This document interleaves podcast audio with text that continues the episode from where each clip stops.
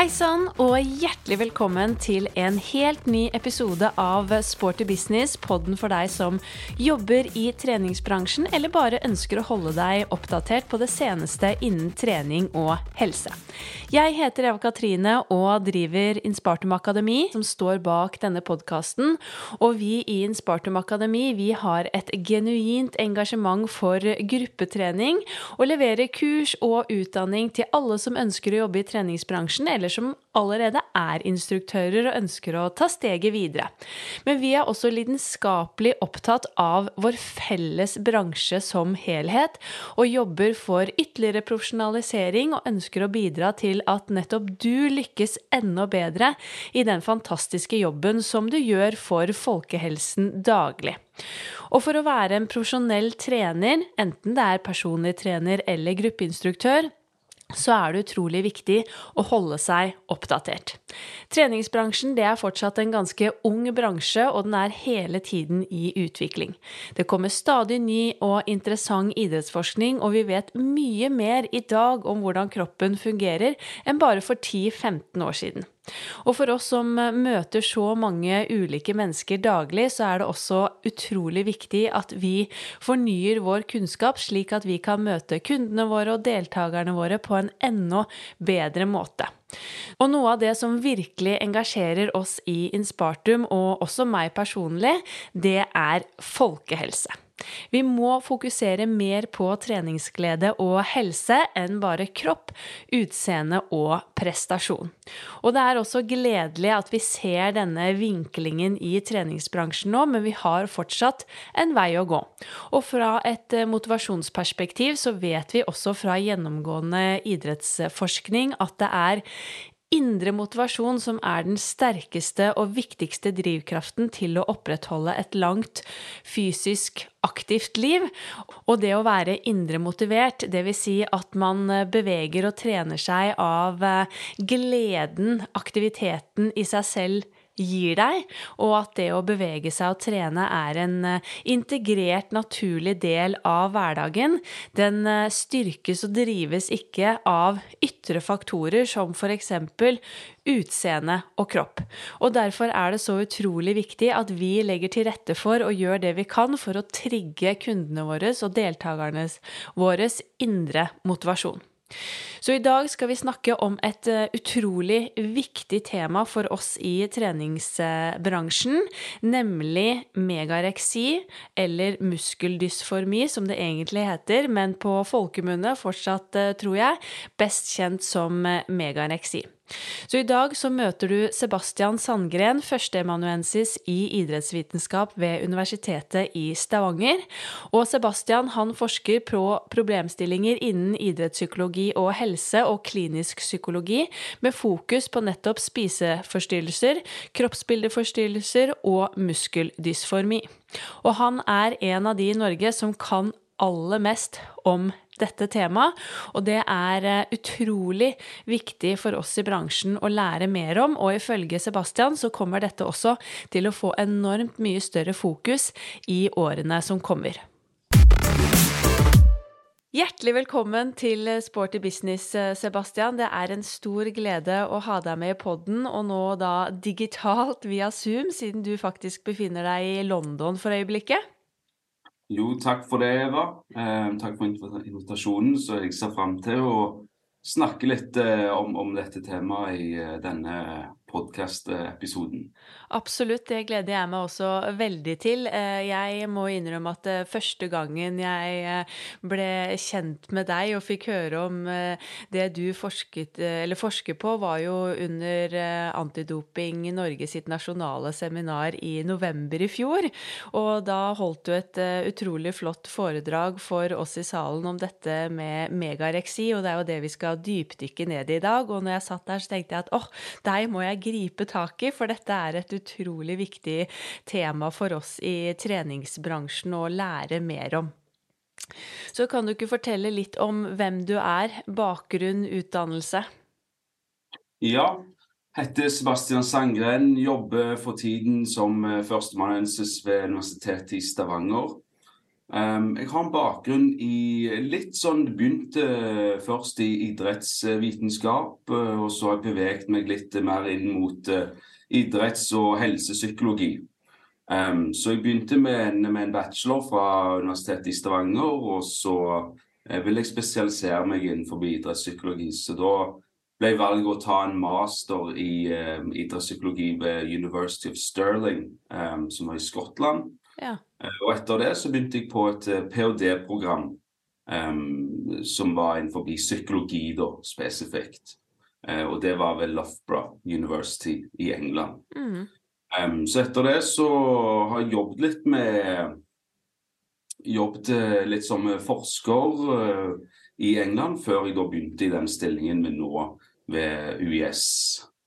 Ikke sant. Spennende. Men selv om du akkurat for øyeblikket befinner deg i London, da, hvordan ser eh, arbeidshverdagen din ut eh, sånn generelt ut som førsteemanuensis ved Universitetet i Stavanger?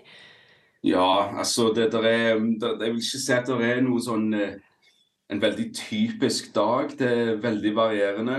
Eh, ofte er det enkelte oppgaver som må prioriteres, og som kan ta en hel dag. Og det kan variere alt fra, alt fra å holde forelesninger til studentkontakt til drive med forskning, skrive opp artikler eller sende inn søknader til ekstern finansiering eller andre typer søknader.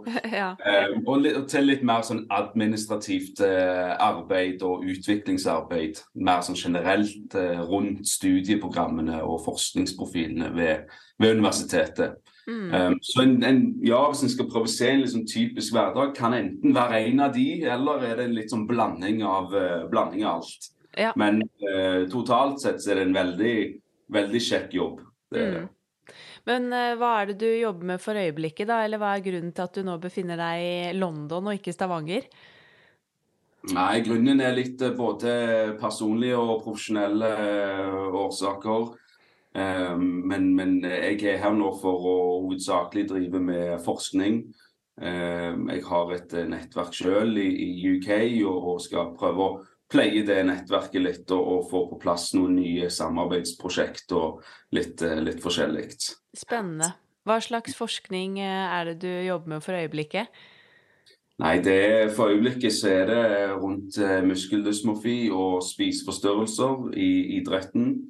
Um, det er jo det min bakgrunn er inni, og, og det er der jeg har mesteparten av min erfaring innenfor forskning. Det er de som er mine områder, da, hvis en kan si det. Ja.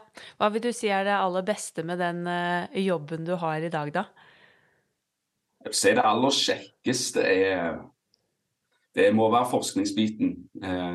Det å være nysgjerrig og det å få muligheten til å og, og, og sitte og undersøke og gruble på ulike problemstillinger og komme frem til svar som er basert på ekte data, erfaringer og synspunkter fra mennesker, det er noe som er veldig givende. Mm. Eh, skrive det opp som, som forskningsartikler, men òg å snakke om det sånn som så her i dag på, på en podkast eller et uh, avisinnlegg eller noe sånt, for for å formidle det som en finner, da, uh, for at det skal ha en betydning for, for samfunnet. Mm. Det er liksom Forskningen er det som jeg vil si at det, det er det jeg brenner for aller mest. Men så syns jeg òg veiledning, som er en veldig stor del av min jobb, eh, både på bachelor- og masternivå, er òg veldig kjekt og veldig givende. Mm. Så vi har veldig dyktige og motiverte studenter, så det er veldig kjekt å, å jobbe sammen med dem. Ja, det skjønner jeg. Og spesielt den forskningsbiten, å få lov til å jobbe med det. Men hva er ditt eget forhold til eh, treningsbransjen, da? Nei, det er treningsbransjen. Det er jo Jeg trener jo sjøl, har trent eh, lenge. Eh, jobber med veldig mange personer som er eh, innenfor ulike seksjoner av treningsbransjen. Uh, og, og, som en bransje så er det jo en veldig viktig del av samfunnet. Uh, nå når folkehelse og mental og fysisk helse står veldig høyt på agendaen i samfunnet vårt. Mm. Uh, jeg syns jo òg at det, det, er jo en arena som, som altså Det som er bra, at det er både organisert og uorganisert trening. Det er veldig vidt, det er veldig åpent, det er veldig bredt. Det er mange muligheter. Um, ja, så jeg syns det er en, en flott uh, si, En veldig flott og viktig bransje. Mm. Uh, det blir jo vi i bransjen veldig glad for å høre. Så det setter jo vi eh, enormt stor pris på. Vi når jo ut til veldig mange mennesker og er jo en viktig folkehelseaktør. Men så ser vi jo det at vi fortsatt sliter litt med omdømme. Og dette med å sette mer fokus da på folkehelse, flytte fokus bort fra kropp og over til helse, er jo ekstremt viktig. Og det er jo også derfor ja, jeg har invitert deg og har lyst til å snakke mer om ja, sånn som dette med spiseforstyrrelser og hva vi i bransjen kan lære av det, og hvordan vi kan legge til rette for å nettopp forebygge eh, for det. Eh, og du nevnte jo innledningsvis at du eh, forsker jo på nettopp dette. En rekke ulike problemstillinger innen idrettspsykologi, helse og klinisk psykologi, med da spesielt fokus på spiseforstyrrelser, muskeldysmorfi og kroppsbildeforstyrrelser. Og som nevnt så hørte jeg jo da dette foredraget ditt om megareksi under Adno sitt seminar i høst. Og jeg har jo hørt om det tidligere, men aldri egentlig fått en grundig innføring i hva det er. Og jeg tenker at det begynner jo å bli mye mer relevant enn hva det var før. Og det er jo noe som har kommet opp de siste årene som man har blitt mer bevisst på. Så kan ikke du begynne å eh, beskrive hva megareksi egentlig er, og hva det handler om? Mm. Eh, jeg vil, eh, kanskje før jeg eh, går litt inn i, i, i dybden på det, så vil jeg bare si at megareksi er jo et begrep som de aller fleste kanskje har hørt om eller lest om, nødvendigvis ikke vet helt hva det er for noe. Mm. Men det er liksom dette det, vi kaller det, liksom det street word for, for denne lidelsen, da. Um, og det blir, altså det rette begrepet er muskeldysmofi. Ja. Og jeg skal prøve å forklare litt hvorfor det er det, og hvorfor det er viktig. Megareksi stemmer fra anoreksia. Ja. Så megareksi det ble beskrevet som megareksi i en studie tidlig på 90-tallet. Hvor de fant en, eh, av et utvalg så var det noen som så seg selv som mye eh, tynnere enn det de var, og noen som så seg selv som mye større enn det de egentlig var, når de, altså speilbildet. Mm. Og de som ser seg selv så mye større enn det de egentlig er, altså det forvente eh, selvbildet der, det er det som heter til anoreksia, altså anoreksia nervosa, som vi kjenner til. De andre, det var de som så seg selv så mye større, eh, mye mindre, sorry, enn det de egentlig er. Mm. Der betegnelsen megareksi kom inn i bildet. Fordi de prøvde å beskrive det motsatte av anoreksi. Altså anno betyr liten, mega betyr stor, reksi betyr appetitt ja. på latinsk. Så si, som lidelse, som jeg skal forklare litt om nå, så handler det ikke så mye om stor appetitt. Nei, ikke sant? Eh, sant? Ja, kanskje en argumenterer for at det handler om en stor appetitt for trening. Eh, og, og for en stor appetitt for å bygge muskler. Men begrepet muskeldysmofi ble introdusert senere på 90-tallet fordi det er en, eh, karakterisert som en mer kroppsdysmorfisk lidelse, eller en kroppsbildeforstyrrelse. Ja, skjønner. Det har noen, det har noen kjennetegn og noen sånn um, likhetstegn med, med spiseforstyrrelser. Men det er ikke selve uh, den um, Altså symptomene er ikke hovedsakelig sentrert rundt mat, måltider, restriksjon, overspising, den type, den type ting. Um, så det er bare en liten sånn Muskeldysmofi er, det er liksom det, det rette beste eller det mest beskrivende begrepet da, for, for, denne lidelsen. Jeg forstår. Men eh, brukes ordet eh, eller begrepet megareksi også i dag? Ikke i, um, i medisinsk sammenheng, ikke Nei. i forskningssammenheng. Um, kun um, i um, så du sier, jeg, jeg regner med at det fortsatt blir brukt fordi det er det begrepet flest folk kjenner til så, vi kan fortsatt bruke det begrepet i løpet av denne episoden her. Men, men uh, det, det, er litt, det, er litt, viktig at det blir brukt riktig òg uh, i andre sammenhenger, fordi det har en betydning for hvordan en ser på denne lidelsen. Absolutt. Uh, så blir megareksi omtalt som en spiseforstyrrelse, og det er feil. Fordi megareksi har ikke diagnostiske kriterier som en spiseforstyrrelse men lidelsen har diagnostiske kriterier som en kroppsdysmorfisk lidelse. Og det er viktig for å kunne stille rett diagnose. Mm. Um, Men ja, muskeldysmofi eller megareksi det er en psykologisk eh, tilstand som innebærer en opplevelse av at en person ikke føler seg muskuløs nok. Og at denne overopptattheten av å bygge muskler, bli større, er så altoppslukende at det hemmer livskvaliteten ganske kraftig. Um, så du har um, altså Noen vanlige symptomer på den lidelsen er jo denne drivkraften til å bli større. Uh, nok er aldri nok. Få mer st større og definerte muskler. Har en vanskelighet rundt det å tolerere sitt eget utseende.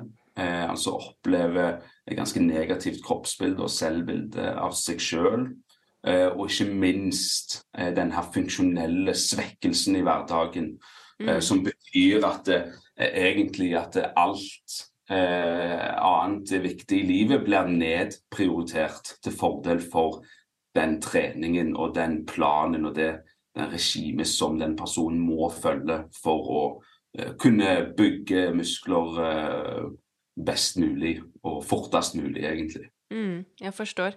Men hvordan utarter uh, muskeldysmorfi seg? Kan du si litt om det? Ja. Um, det òg er hvis vi, skal, hvis vi skal basere det på, på forskning, så er det, det, er, det er noe data på dette. Men det er litt vanskelig å trekke klare konklusjoner fordi vi mangler en god del longitudinell data. Altså data som er blitt samla over flere punkter. Så f.eks. det å følge personer fra tenårene til midten av 20-årene eller sent på 20-årene for å kunne si mer spesifikt hvorfor hvorfor mm. de utvikler det, og enkelte symptomer. Så det er et ganske komplekst samspill mellom miljø og personlighet, egentlig. Ja. Miljøet har jo en stor eh, del i dette. Sant? Vi lever jo i et veldig kroppsfiksert samfunn. Eh, trening, kosthold, det å se bra ut, det å være sunn, er jo noe som er veldig viktig. Så da vi sammen med miljøet, og kanskje da personer, og særlig gutter, som kanskje er, litt lavere enn sine kompiser. De er kanskje veldig høye på personlighetstrekk som perfeksjonisme eller sårbar narsissisme. Forskning har vist at de uh, har en større sjanse eller er mer sårbar for å utvikle eh, megareksi.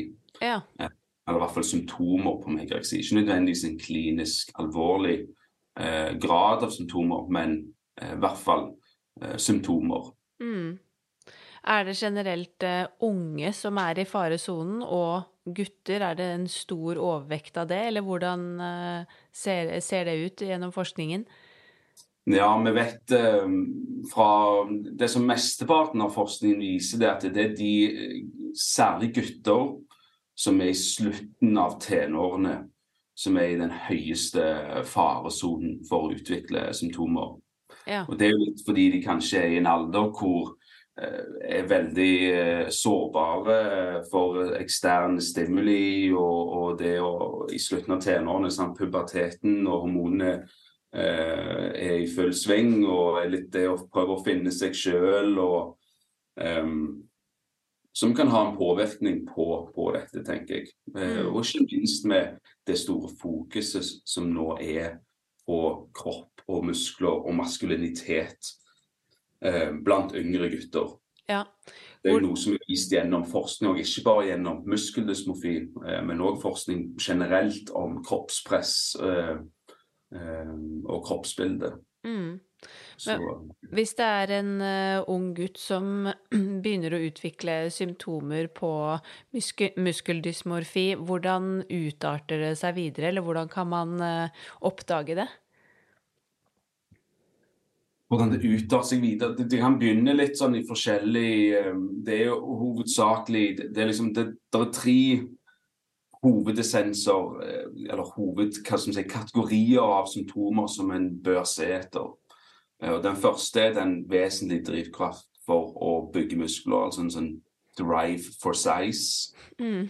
Så hvis det er det som er det viktigste, det er det som alltid blir snakket om, det er det som alltid blir prioritert fremfor alt annet. Um, det andre går mer på hvordan en ser på seg sjøl. Sitt eget selvbilde. Så hvis en person snakker seg selv ned, sier at en ikke er stor nok, men en egentlig er sant? Mm. større enn flest, flestparten som er 18-19 år, eller noe sånt.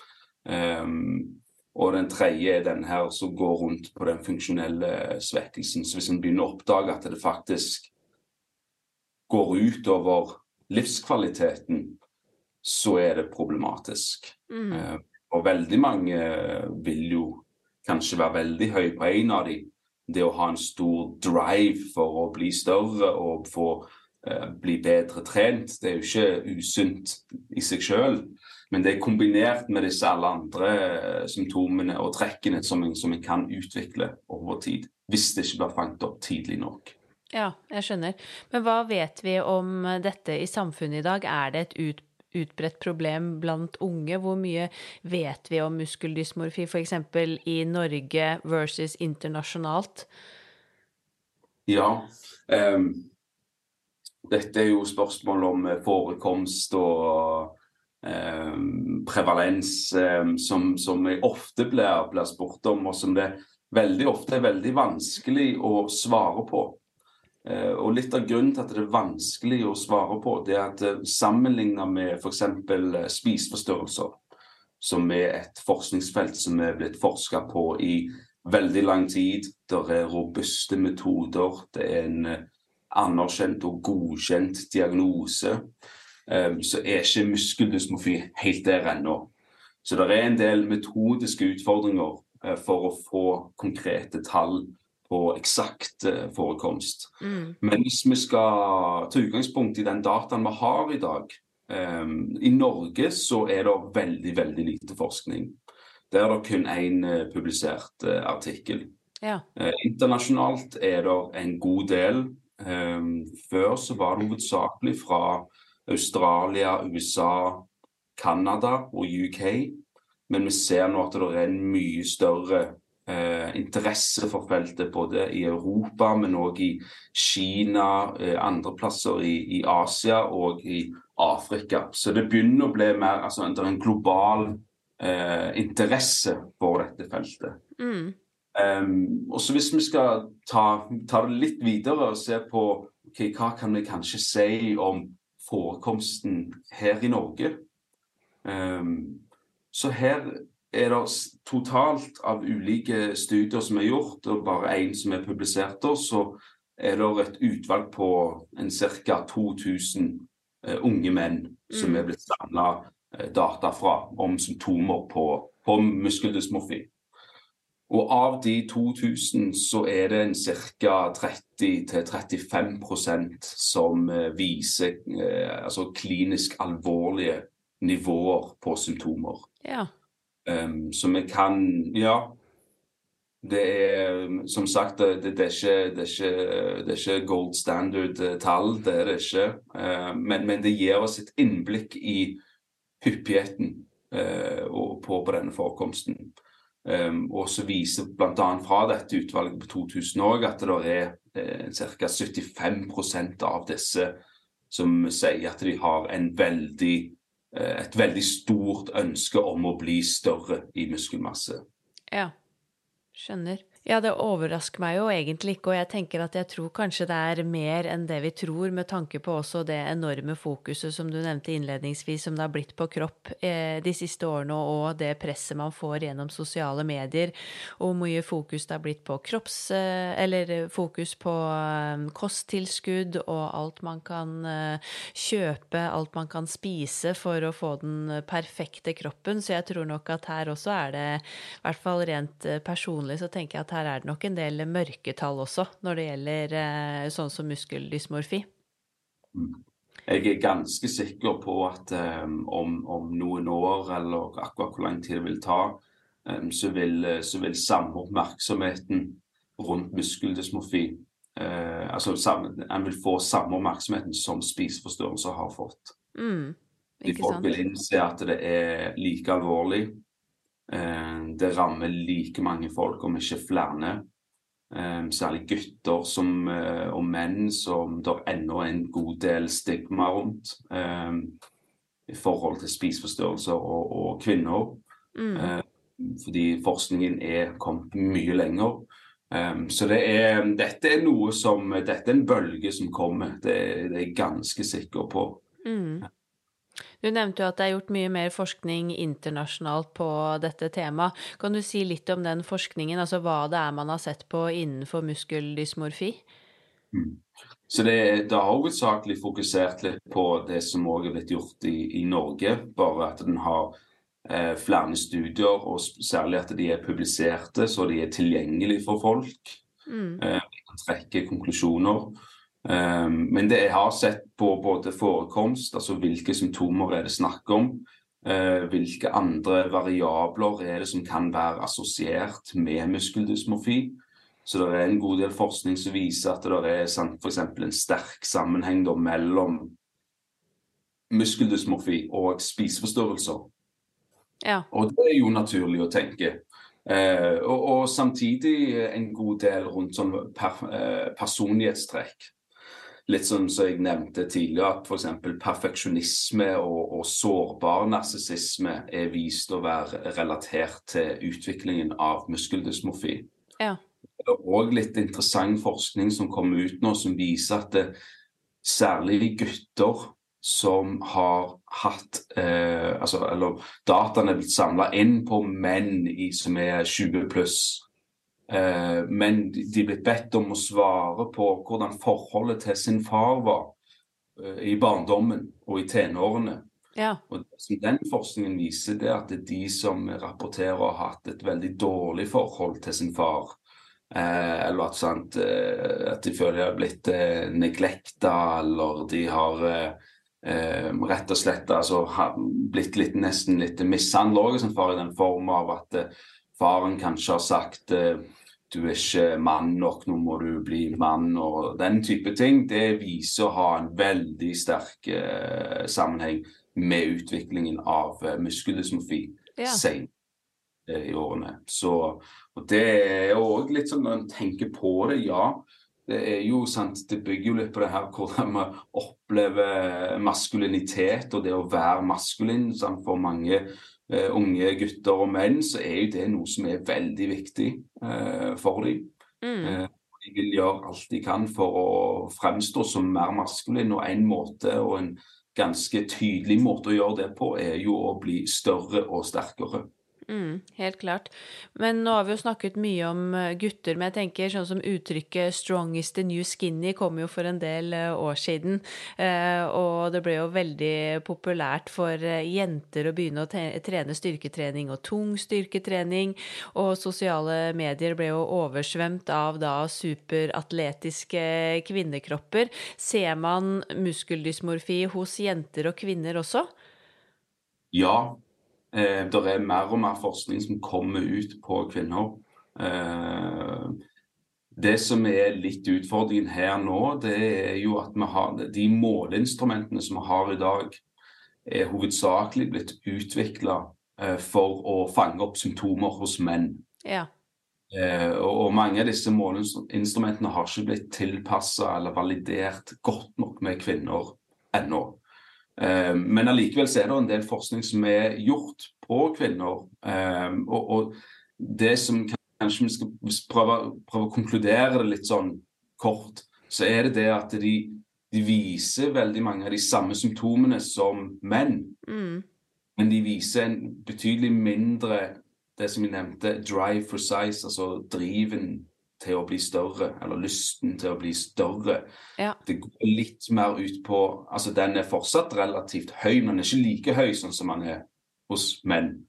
Eh, Og fokuset der vil jeg tenke kanskje er litt mer på eh, definisjon eh, hos, hos eh, kvinner enn hos kanskje flertallet av eh, menn som, som, eh, som utvikler, eller er i faresonen for å utvikle muskeldysmofi. Mm. Forstår.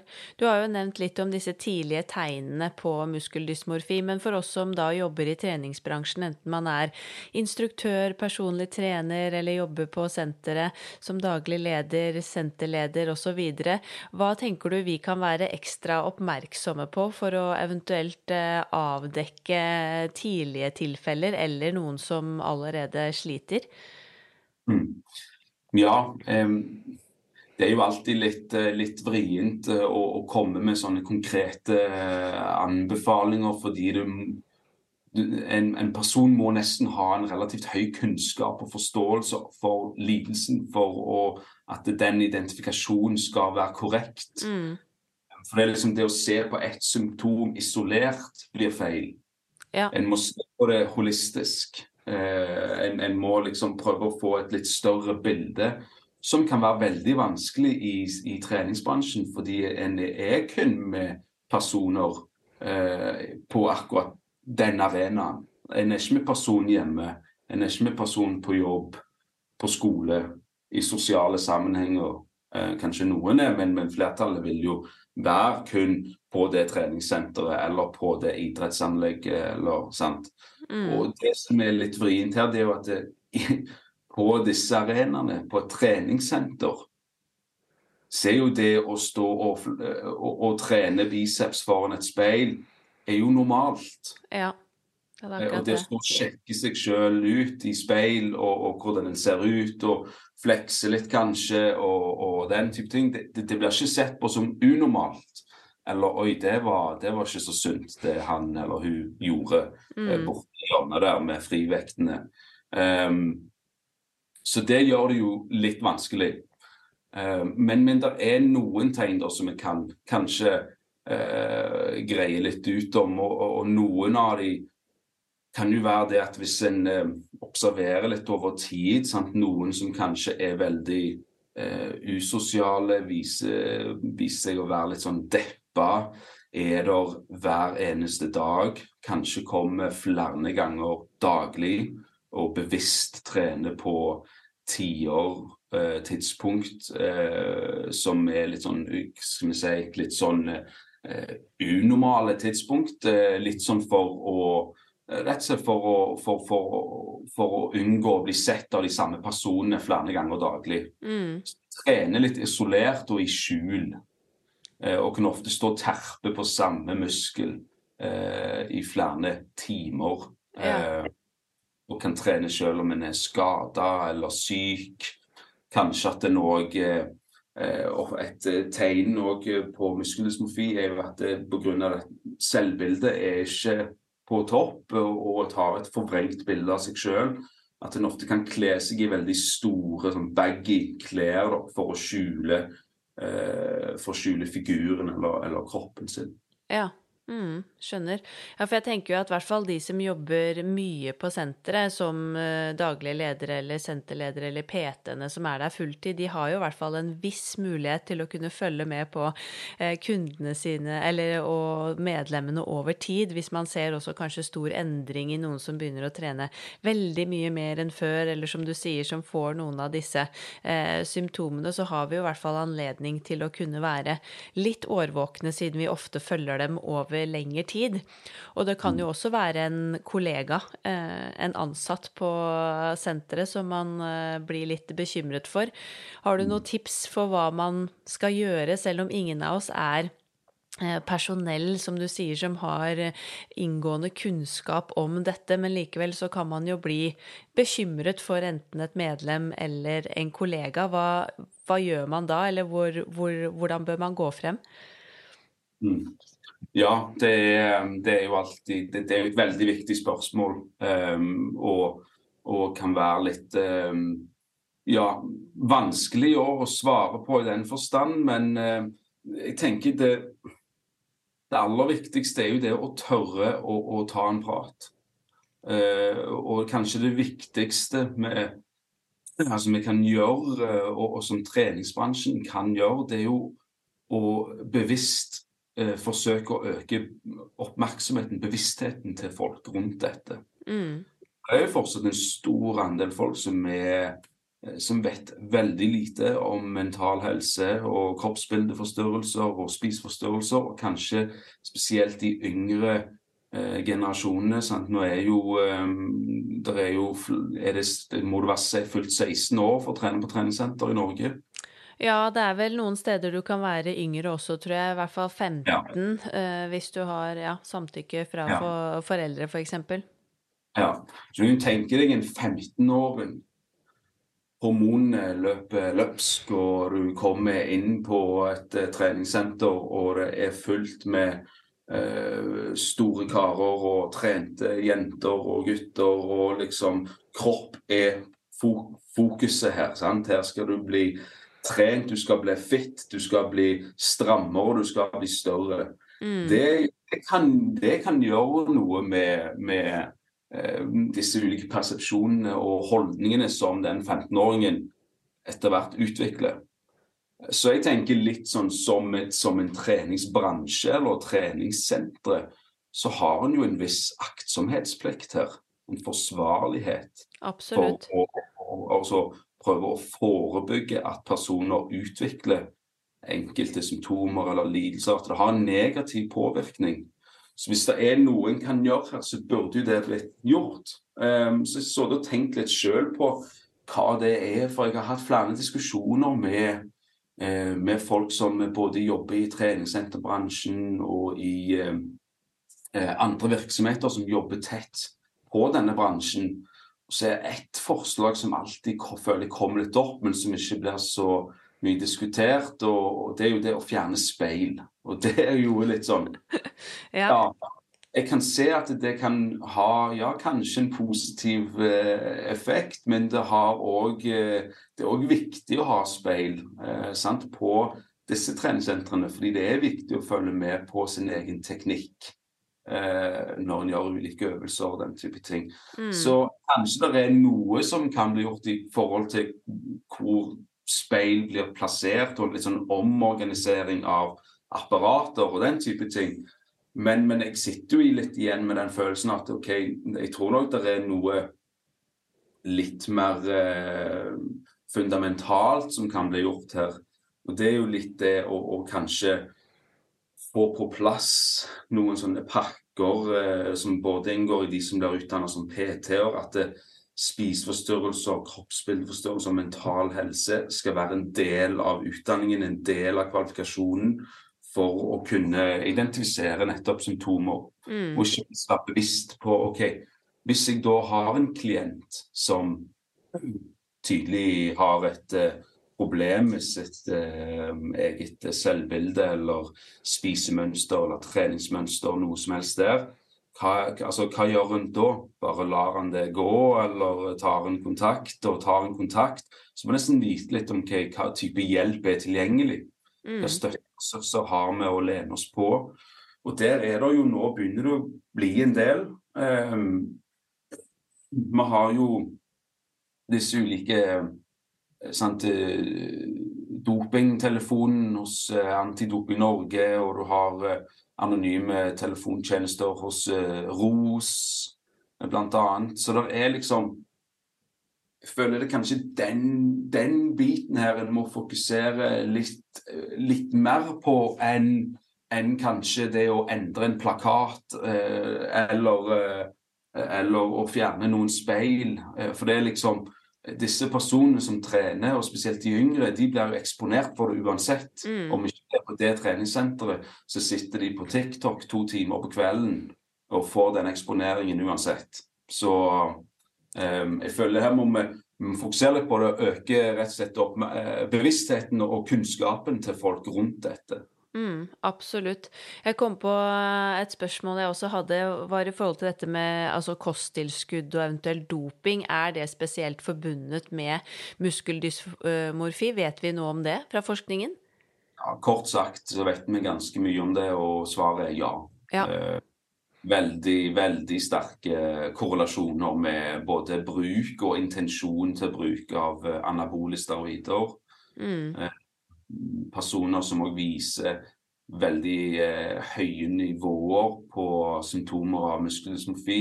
Har òg et ekstremt høyt eh, eller veldig mange av de har et ekstremt høyt inntak av protein. Ja. Eh, altså opp til at personer kan spise opp imot 30 egg til dagen. Hjelp. Ja. I tillegg til å ta PV, PVO, sånn pre-workout før de trener. proteinshake før, etter kanskje. Kreatin. En rekke vitamintilskudd. Så det Ja. Det mm. er noen sånne ekstreme tilfeller der hvor, hvor, um, hvor det inntaket er veldig, veldig usunt. Um, og det er det noen interessante case-studier på. Ja. Mm. For jeg tenker jo det er jo også noe man kan i hvert fall ha øynene litt åpne for, hvis man ser at eh, ja, kosten også endrer seg. Det er jo kanskje litt lettere å se for en kollega eller en annen ansatt på senteret, men også eventuelt hvis man ser unge gutter med da, som du sier, proteinshake før og etter og det ene og det andre. Og jeg husker jo selv når jeg var eh, ung og ble introdusert for treningsbransjen og også begynte på NIH etter hvert og kom inn i veldig treningsmiljø, så var det jo da i da 2008-2009 allerede begynte å bli veldig mye fokus på proteinpulver og kreatin og det ene og det andre. Og jeg hadde jo aldri vært borti det før, men ble jo allerede da introdusert for det. Så jeg tenker at eh, Og i dag med det enorme presset gjennom sosiale medier, så får man jo inntrykk at det må man ha også for å trene og bli større og oppnå de resultatene man ønsker. Mm. Ja, det er liksom den holdningen der og den tanken mange har, at alle tar noe. Mm. Ikke sant? At en må ta noe for å henge med, og for å, for å oppnå de resultatene en vil ha. Eh, og ikke minst er det jo veldig tilgjengelig. Eh, en får jo tak i det enhver eh, kostholdsbutikk og på nett og noen ganger gjerne ikke Norge, men nå er jo jeg i UK, og her får en jo tak i Her er det jo nesten alle dagligvarebutikker har jo òg en egen seksjon med proteinpulver, eh, sånn, så du trenger ikke å dra ja. kjøre 15 minutter til nærmeste Kost 1. Eh, du kan bare dra bort på UKs versjon av Kiwi rundt hjørnet, og så får du, får du et kilo med proteinpulver, whey protein. sant? Mm. Så um, ja. det er jo ikke, ikke noe aldersgrense på å kjøpe det heller, så Nei. Nei, og jeg så. tenker eh, ting bransjen kan gjøre også, er jo den diskusjonen om hva skal vi selge på senteret. Eh, mm. for eksempel, noen har jo tatt et standpunkt og selger verken eh, proteinpulver eller energidrikker, mens andre gjør det. Og det er jo også en diskusjon, tenker jeg, som er litt interessant, hva man skal velge å faktisk selge i resepsjonen på sentrene bare når vi er med på det med proteinpulver, det er jo veldig interessant. For det er jo den oppfatningen av at en må ha et ekstremt høyt inntak av protein for å, for å bygge muskler. Um, og det, altså, Proteiner må en jo ha. Uh, og så tenker jeg litt òg det at det, det blir igjen det å se på det litt sånn holistisk. For om noen tar en proteinshake eller en proteinbar som et tilskudd uh, etter en økt, så er ikke det problematisk i det hele tatt. Nei, nei. Sant? Men hvis den personen samtidig går og trener to ganger daglig, eh, er kanskje syk, eh, har et forvrengt bilde av hvordan en ser ut, eh, velger heller å gå og trene enn å gå i mor sin bursdag klokken fem fordi en må trene klokken fem. Mm. Det er da det er problematisk. Og, og når dette blir supplert med en haug av altså proteintilskudd og kanskje andre eh, tilskudd, og, og, og, og, kanskje doping òg. Eh, mm. Det blir en veldig farlig miks, og heldigvis så har vi jo flere case-historier på personer som har uh, unge menn som har rett og slett dødd uh, av uh, sant, denne lidelsen og den altså, koblingen med bruk av steroider, særlig. da. Ja. Det kan ha veldig alvorlige konsekvenser. Mm.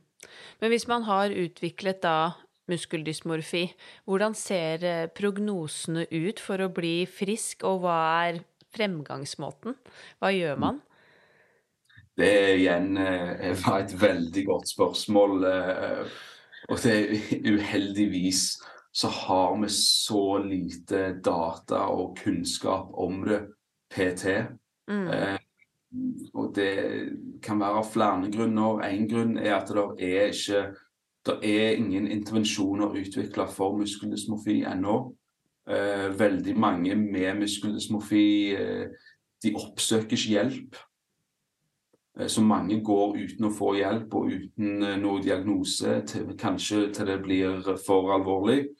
Um, og så har vi ikke nok forskning på det, på de få som faktisk oppsøker hjelp. Mm. Så vi har ikke noe konkret. altså Prognosene er ja, det er veldig, det er veldig vanskelig å si, men, men det er noen som har foreslått at de ligner mye på de som vi ser ved anoreksia og bulimi. Ja. Eh, og prognosene der er ikke akkurat eh, veldig gode, spesielt for anoreksia. Mm. Der er eh, sjansen for at du får tilbakefall eh, er veldig stor. Ja. Eh, Så, så er, du skal være veldig motivert eh, for å, å bli bedre. For at du faktisk skal bli bedre. Mm. Så det er Ja, det er jo et, et område som min forskning nå er veldig fokusert på. Eh, Og det er et prosjekt som jeg holder på å utvikle, som går ut på å utvikle et nytt intervensjonsprogram for personer med eh, symptomer på muskeldysmorfi. Ja. Fantastisk. Ja, det Mm. trenger, trengs jo virkelig, for det er jo, som vi vet, det er jo eh, flere som mest sannsynlig eh, har denne lidelsen, og da er det jo noe med ok, hva gjør man? Hvor går man videre? Eh, og hvilken hjelp kan man få? Men hvis, en- hvis, du, hvis noen eh, hører på er, og er bekymret for noen, eller kanskje man kjenner noe på egen kropp, tenker du at det er f.eks. ROS, rådgivning om spiseforstyrrelser, som er eh, første og beste sted å ta kontakt hvis man vil snakke med noen? Jeg tenker enten eh, ROS eh, eller eh, Antidoping Norge. Ja. Jeg tror Antidoping Norge er personer der. Jeg har snakket litt med folk fra begge. og, og eh, ROS er jo, eh, sant, det er jo rådgivning for spiseforstyrrelser. Eh, de har jo en liten infobit på muskeldysmofi der òg, men det er, er flere personer som jobber innenfor denne avdelingen for folkehelse hos Antidop i Norge som er, har veldig god kunnskap om eh, muskeldysmofi og selvfølgelig antidopingarbeidet Ja. på det området. der. Mm. Så uh, den, eh, de tjenestene som Antidoping Norge har, er absolutt et godt eh, sta, altså, eh, startsted. Ja. Eh, Det er for så vidt ROS òg. Og kan gjerne bruke begge, og begge har- tilbyr jo anonyme tjenester som er kanskje greit å, å vite for, for de som har lyst til å ta, ta kontakt. Mm. Vi har jo vært litt inne på det, dette med treningsbransjen og kroppspress, og hvordan eh, bransjen fremstår i dag, og hva vi vektlegger. Men eh, for deg som er forsker, og som har et blikk eh, utenfor bransjen, og som ikke er en del av den, hvordan ser du på bransjen i dag som en folkehelseaktør? Og syns du det fortsatt er mye kroppspress? Hva tenker du om dette med kleskoder? Hvor viktig er det? Hvordan syns du vi fremmer sunne ideal fremfor sånne ja, urealistiske idealkropper? Mm, mm. Det Ja. jeg syns jo som, eh, som en eh, Som en arena for folkehelse, absolutt. Det er det jo. Eh, veldig mange Jeg vet ikke hvor mange medlemmer det er i Norge, men det er veldig mange. Og, og for, for de så er jo det en mulighet til å være aktiv, og, og, og det har jo en positiv virkning på helsen når det er folk fra alle aldersgrupper som, som trener, eh, som er veldig bra. Men så er det jo samtidig òg det, det som jeg nevnte litt tidligere, at det er jo òg en arena for personer som har et usunt forhold til sin egen kropp, usunt forhold til, til eh, kanskje mat, usunt forhold til trening, som er som blir Altså, de blir jo retta inn i den retningen der. Det er det, altså arenaen der, treningssenter, det er der en kan gjennomføre styrkeøkten sin. Mm. Så det, ja. Så det, det har jo så, Det er jo en arena for, for, for folkehelse, det er det jo òg, men det er òg en arena som, som mater egentlig personer med usunne forhold til kropp og figur og vekt og mat og trening. Mm. Eh, så det er liksom hva kan vi gjøre, for, for det, er jo, det er jo ikke treningssentrene sin feil, det. Det er det ikke. Men det, hva kan vi gjøre for å kanskje minimere det kroppspresset, eller prøve å, å kontrollere litt for, for, det som skjer innenfor de fire veggene. Eh, og der eh, tenker jeg jo litt sånn ja, jeg, har, mange sier at det, sant, de endrer på plakater og de vil ikke fremme disse uh, usunne idealene. Men de aller fleste treningssentre jo, reklamerer jo fortsatt med uh, tynne, stramme, muskuløse kropper. Uh, sant? Uh, Vettkledd og den, den, type ting der. Så det ser ikke store forskjeller det, det, det, gjør ikke jeg, i hvert fall. Det kan være jeg ikke har vært på nok treningssentre. Men um, jeg har en, en opplevelse sjøl òg som, som um, jeg var og trente på, på mitt lokale senter. Da, og eh, vi var type, type sånn litt tidlig på ettermiddagen. Det var ganske travelt. Det var mange folk inne. Og da var det en shoot uh, inne på senteret med med jente og en gutt. og Eh, virker som det var en sånn reklameskyter mm. Eh, for det senteret. Og, og, står og strammer og, og poser og, og eh, sant, Veldig lettkledd. Og, jeg ser liksom der er en gjeng eh, 17 år gamle gutter som står i det hjørnet og står og glor på det. Der er eldre folk som står og rister litt på hodet.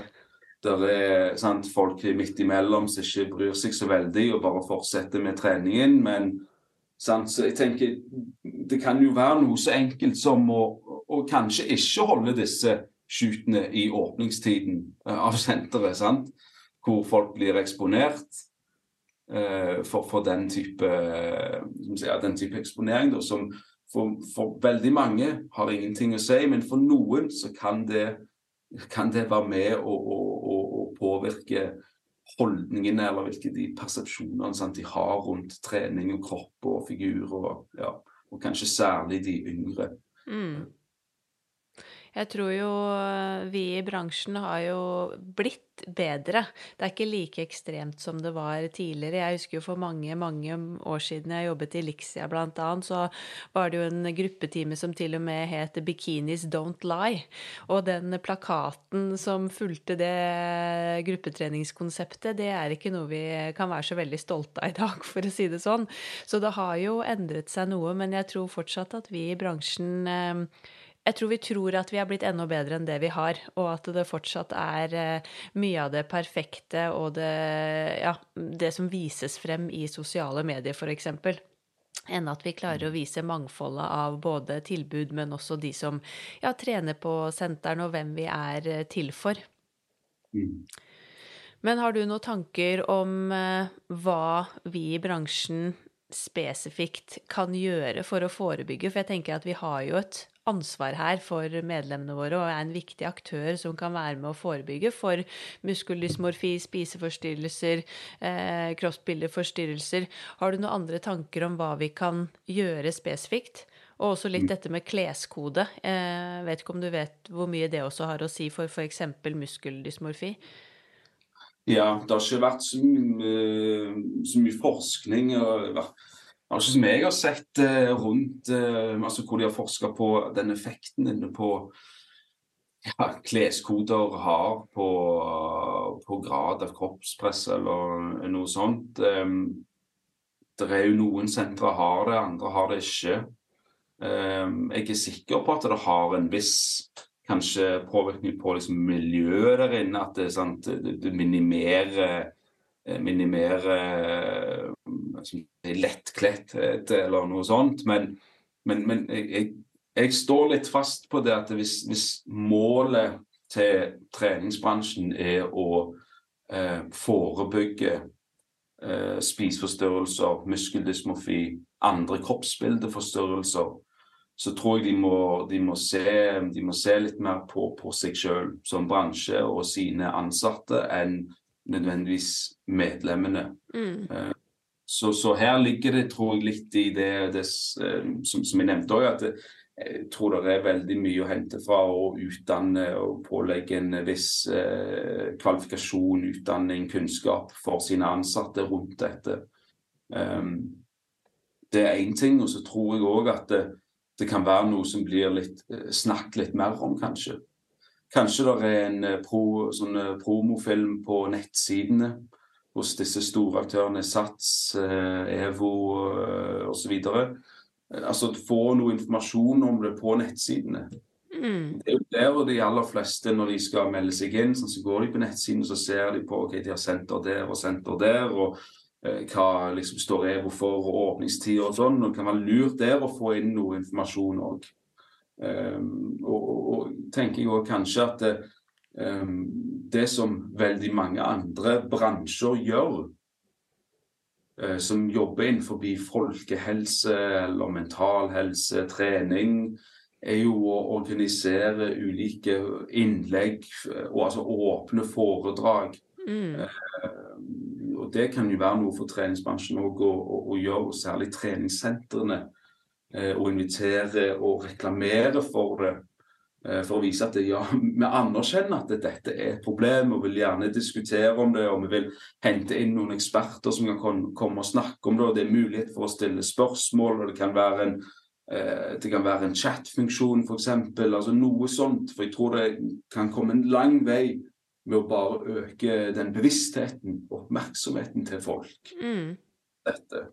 Virkelig. Eh, for, for treningssenterbransjen du har, har ikke, altså du skal ikke behandle kliniske eh, lidelser, men, men, skal prøve å forebygge i den forstand at det er, det er et, eh, som sier, et åpent, det, åpent uh, miljø. da kan komme en lang vei med å bare øke den bevisstheten og oppmerksomheten til, til folk. Og at mm. det skal være mulighet for, for, for å å kunne snakke om det og, diskutere det eh, sammen med ansatte, altså som er ansatt på senteret, og medlemmer og, og andre personer og instanser òg, tror jeg. Ja, Nei, jeg satt også og tenkte på det, sånn type fagkvelder eller temakvelder eh, som man kan arrangere både for ansatte, men også medlemmer på senteret for å øke bevisstheten rundt det. Og jeg husker jo også da i forbindelse med dette nasjonale seminaret til Antidoping Norge i november, med, hvor de i forkant lanserte denne hva skal jeg si, filmen, eller gåsetegn, reklamefilmen som het 'Snakk om doping', eh, som jeg syns eh, var utrolig eh, beskrivende for nettopp dette temaet, og som traff veldig, og som jeg tenker som viser da dette presset blant unge i dag, og fokus fra sosiale medier, og litt som du sa, at det er en forventning og en sånn antakelse om at alle også i gåstegn tar noe, enten det er kosttilskudd eller en eller andre, fordi at det må du ha for å lykkes på trening. Og at man uh, ikke tør å snakke om det. Og mange kjenner ikke til risikoene f.eks. For, for å utvikle muskeldysmorfi, kanskje, og da eh, hvor mange negative konsekvenser det har i det lange løp. Så ja, bevissthet og det å tørre å snakke om det på lik linje som mye annet, tror jeg jo er eh, veien å gå. Har du noen tanker avslutningsvis om eh, noe annet vi i bransjen kan gjøre for å klare å favne litt bredere, da? med å få flere folk eh, inn på sentrene og bidra til enda mer eh, aktivitet og treningsglede?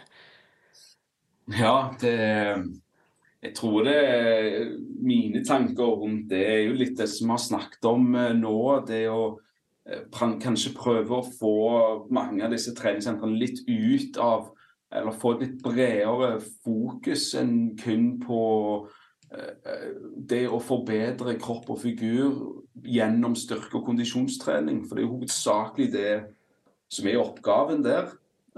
Så hvordan kan en formidle kanskje noen, noen, meldinger ut til folk med at det er litt mer igjen sånn holistisk syn på trening og helse. Sånn. Snakker jo ofte om disse sunne idealene. Um, sånn, hva er et sunt ideal? Mm. For folk flest så, så, så tror jeg at et sunt ideal er det er jo noen som ser bra ut. Det er noen som ser veltrente ut, det er noen som ser friske ut. På utsiden er de kanskje det, men det er ikke nødvendigvis at de er det på innsiden. Nei. Um, så det jeg um, tror det igjen det litt dette med bevisstheten og oppmerksomheten. og prøve å få i gang litt, eh, litt Nå er det jo et Antidop i Norge syns jeg gjør et ekstremt godt eh, arbeid med og samarbeider godt med mange av disse treningssentrene i Norge. Mm. Så Det som jeg kanskje savner litt, det er jo at de ulike treningssentrene og bransjen faktisk promoterer litt mer det som Antidoping Norge gjør. Sånn som denne filmen som jeg snakket om, som vi så på, på dette seminaret. Um, det er jo noe som enda flere folk, uh, flere folk skulle ha sett. Uh, som kunne vært vist og promotert gjennom sosiale medier av ulike uh, treningssentre og bransjer. De som deltar, kanskje, i hvert fall de som deltar i dette Rent senter-programmet. Så det er litt sånn, ja Det tenker jeg at det er litt, litt, litt mer si, bredere fokus enn det som kanskje er nå, da. Mm. Og virkelig, og ikke minst, eh, som du nevner, det å øke bevisstheten rundt hva god helse egentlig er. Og at mm. eh, det ikke er forbundet med den eh, perfekte atletiske kroppen man ser på TikTok. Mm. Fantastisk. Eh, tusen hjertelig takk for en utrolig lærerik prat. Har du noen tanker om noen du kan sende stafettpinn videre til i Sporty business, da, som du tenker at kunne vært interessant for oss i treningsbransjen å høre eller lære av? Ja, eh, vil eh, nevne eh, Marte Fjell og Kaja Haugen, som jobber innenfor, som er rådgivere innenfor den avdelingen for folkehelse ved Eh, Antidop i Norge. De mm. har eh, god kunnskap og innsikt i, i eh, spesielt unge gutter og noen jenter som, som, er, som toucher på denne problematikken, og som faktisk oppsøker eh, Antidoping eh, Norge sine tjenester. Så det, det, kan være, det, kan være, veldig interessant å høre, høre på de. Um, ellers så, så, tror jeg òg Eva Maria Støa, som er førsteamanuensis ved Universitetet i Sørøst-Norge, som er ekspert innen idrettsfysiologi og det å bruke trening som medisin. Ja. Um, og så vil jeg anbefale Sindre Dyrstad uh, hos oss på Universitetet i Stavanger, som er professor i, i idrettsvitenskap. Mm. Fantastisk. Veldig gode tips. Tusen eh, hjertelig takk. De skal noteres ned på eh, lista.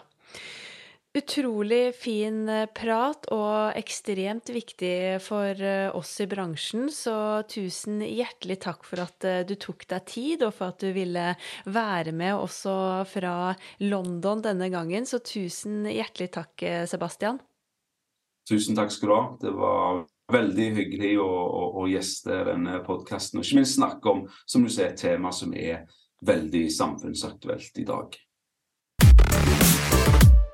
Tusen takk for at du lyttet til Sporty business nok en gang. Følg oss gjerne i sosiale medier på Instagram at Sporty Business Podcast, og bli gjerne med i gruppen vår på Facebook med navnet Sporty Business. Jeg ser frem til å dele en ny episode med dere allerede om to uker. Da blir temaet veiledning og oppfølging av gruppeinstruktører, og viktigheten av oppfølging for å lykkes med gruppetreningsproduktet på senteret. Så det gleder jeg meg meg utrolig mye til. Det håper jeg du gjør også. Og så vil jeg bare minne om at vi i Inspartum Akademi arrangerer online-kurs i trening under og etter graviditet 22.4 med kursholder Mathilde Pilskog. Hun er kvinnehelsefysioterapeut og har et genuint engasjement for kvinnehelse. Hun var jo også gjesten vår i forrige podkastepisode, så har du ikke fått med deg den ennå, så kan jeg virkelig anbefale deg den episoden. Så det kurset er for deg som ønsker å bli trygg i det å guide kvinner i trening under og etter graviditet, og passer for både deg som er personlig trener, gruppeinstruktør eller behandler, og det krever ingen forkunnskaper for å være med på kurset, og du får også kursbevis tilsendt i etterkant av kurset. Det er fortsatt ledige plasser, så les mer og meld deg på på inspartum.no, og klikk deg inn under utdanning og påbygningskurs, så finner du alt om dette kurset 22.4. Og så håper jeg virkelig at jeg ser noen av dere gjennom skjermen. Men vi poddes igjen om to uker, så nå ønsker jeg deg bare en strålende og sporty dag videre. Denne podkasten produseres av Innspartum Akademi og North Stories.